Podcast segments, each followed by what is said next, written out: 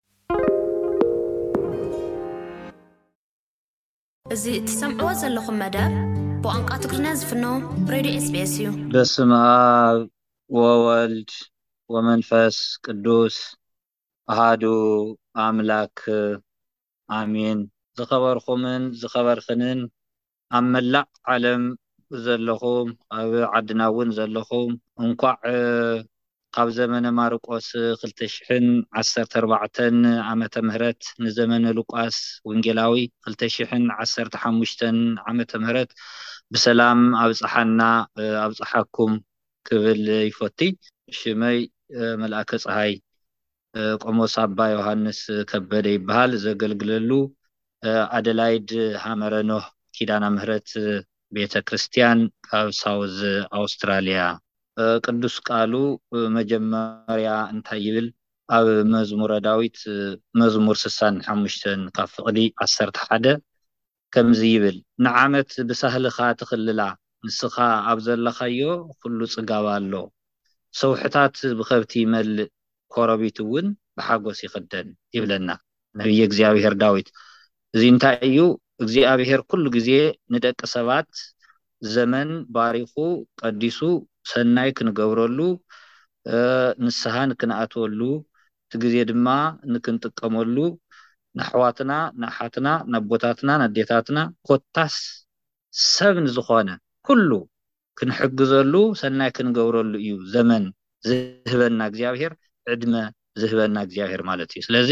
እቲ ዘመን ብሳህሉ ብምሕረቱ ባሪኹ ከሊሉ ኩሉ ግዜ ዝህበና ነዚ እዩ እቲ ዝገርም ንሶብ ዘሎ ሰናይ ጽጋው ከም ዘሎ ነጊሩና ማለት እዩ። ካብኡ እውን ንሰውሕታት እውን ብከብቲ ይመልእ ይብል ማለት እዩ። እዚ ንጎቦታት ከይተረፈ ኣብዚ ሕዚ ነኽብሮ ኣብ ዓድና ኩላትና ከም እንፈልጦ ብዕምበባ ዕምበባ ዮሃንስ ዝበሃል ብዕምበባ ኩሉ የማዕርጎም ማለት እዩ። ንወዲ ሰብ እውን ከምኡ በብዓመቱ ኩሉ ግዜ ጸጋ ዝህብ ኣምላኽ እዩ ዘለና። ስለ ዝኾነ እዚ እናሃለወ ግን ኣንሕና ደቂ ሰባት ካብ እግዚኣብሔር መንገዲ ብምርሓቕ ሕጉ ብምርሳዕ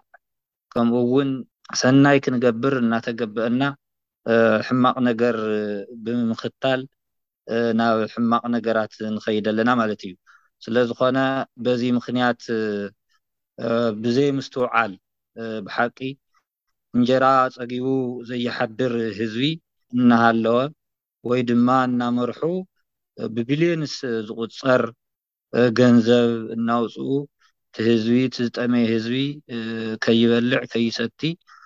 ናብ ሕማቕ ነገር ዝወስዱና ውን መራሕቲ ኣለዉ ነዚኣቶም እግዚኣብሄር ልቦና ክህቦም ንጽልየሎም ማለት እዩ ከም መራሕቲ ሃይማኖት ሰብ ኩሉ ውን ልቦና ክህቦም ናብ ልቦም ክምለሱ ክጽሊ ኣለዎ ማለት እዩ ስለዚ ዝተፈጠረ ቅልውላው ኩሉ ኣይተመቸወን ብፍላይ ትግራዋይ ከምቲ ኩሉ ዓለም ዝፈልጦ ንክልተ ዓመት ዝኣክል ካብ ስልኪ ካብ ባንኪ፣ ብ ገዛ ገንዘቡ፣ ካብ ናይ ሕክምና ኣገልግሎት፣ ካብ መብራህቲ፣ ካብ ኹሉ ነገር ተዓጽዩ ኣብ ስቃይ ኣብ መከራ እዩ ዘሎ ማለት እዩ። እቲ ካሊእ እውን ህዝቢ እንተኾነ ኣብ ኢትዮጵያ ዘሎ ይኹን ኣብ ኤርትራ ዘሎ ይኹን ኹሉ ብሓቂ ኣይተመቸወን ኣብ ሽግር እዩ ዘሎ እና ሕዚ እውን ብሓቂ ቅዱስ ቃሉ ከምዝነግረና ኣብ ማቴዎስ ወንጌል ምዕራፍ ሰለስተ ካብ ቁጽሪ ክልተ ጀሚሩ ሰለስተ ጀሚሩ ጎደና እግዚኣብሔር ጽረጉ መንገዱውን ኣቕንዑ ኢሉ ኣብ በረኻ ዝእውጅ ድምጺ ኣዋጅ ነጋሪ ይብሎ ማለት እዩ ንዮሃንስ እንታይ ማለት እዩ ጎደና እግዚኣብሔር ጽረጉ ማለት ልብና ኣቕኒዕና እቲ ዝጎበጠ ዝሓበጠ ብሓጥያት ዝሓበጠ ልብና ኣቕኒዕና ትሑት ንክንኸውን ትሑት ንክኸውን ልብና እግዚኣብሄር ንክሓድሮ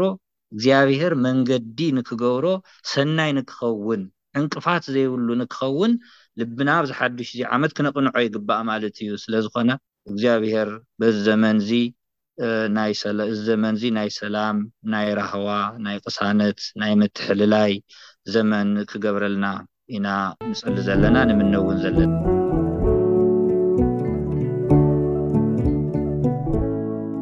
ብዙሓት ሰባት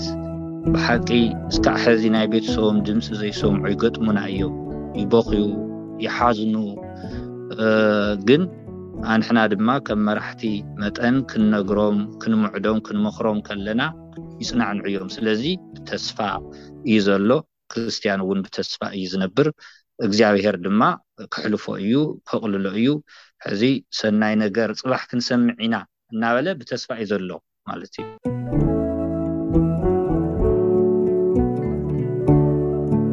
ክልተ ሽሕን ዓሰርተ ሓሙሽተን ዓመተ ምህረት ዘመነ ሉቃስ ወንጌላዊ እዩ ዝበሃል እዚ ዘመን እዚ ብሓቂ ኣብ ዝሓለፉ ክልተ ዓመታት ብሓዘን ሕማቕ ነገር እናሰማዕና ኣብ ዓድና ይኹን ከምኡ እውን ኣብ ካሊእ ኣብ ዓለም ዘሎ ቅልውላው ኩሉ እናሰማዕና ኢና ፀኒሕና ማለት እዩ ከምትፈልጦ ካብ ኮረና ጀሚሩ ድሕሪኡ ድማ ትውግእ ናይ ሰብ ልቦና ብሓቂ እዚ ክልተ ዓመት እዚ ተሃሲኡ እዩ ናይ ህዝብና ልቦና ማለት እዩ ሕዚ ግን ኣብዚ ክልተ ሽሕን ዓሰርተ ሓሙሽተን ዓመተ ምህረት ዓድና ሰላም ኮይኑ ዝተመዛበለ ህዝብና እውን ናብ መረበቱ ተመሊሱ ኩሉ ኮታስ ኣብ ዓለም ዘሎ ሰብ ዝበሃል ኩሉ ሰላም ረኺቡ ከምኡ ድማ ማይ ሓቑፋ ትሓድር ወላድ ኣዶ ናይ ኩሉ ኣዶ ዝኾነት ኩላ ዝኾና ኣዴታትና እውን ቀሲነን ዝሓድራሉ እግዚኣብሔር ኣመስጊነን ደቂሰን ዝሓድራሉ ዘመን ክኾነልና ኢና ንምነ ማለት እዩ እዚ ዝቕፅል ዓመት ስለዝኾነ ኣብ ኩሉ ዓለም ዘሎ ኩሉ ዝሰምዐና ዘሎ ማለት እዩ ናይ ሰላም ናይ በረኸት ዘመን ንክኾነልና ከምኡ ውን በዚ ኣጋጣሚ እዚ ዕድል እዚ ተጠቒመ መሳርሕተይ ኣቦታተይ ኣሕዋተይ ውን ናይ ዓለም ለኸ ማሕበረ ካህናት ናይ ትግራይ ኦርቶዶክስ ተዋህዶ ውን ኣብ ዘለውዎ ናይ ሰላም በዓል ክኾነሎም ዝተቀደሰ ዝተኸበረ በዓል ንክኾነሎም መልእኽተይ ከመሓላልፍ ይደሊ። ሕራይ ንዓኹምን ንኹሎም ምእመናንን ርሑስ ሓድሽ ዓመት እናተመነኹ የቐኔለይ።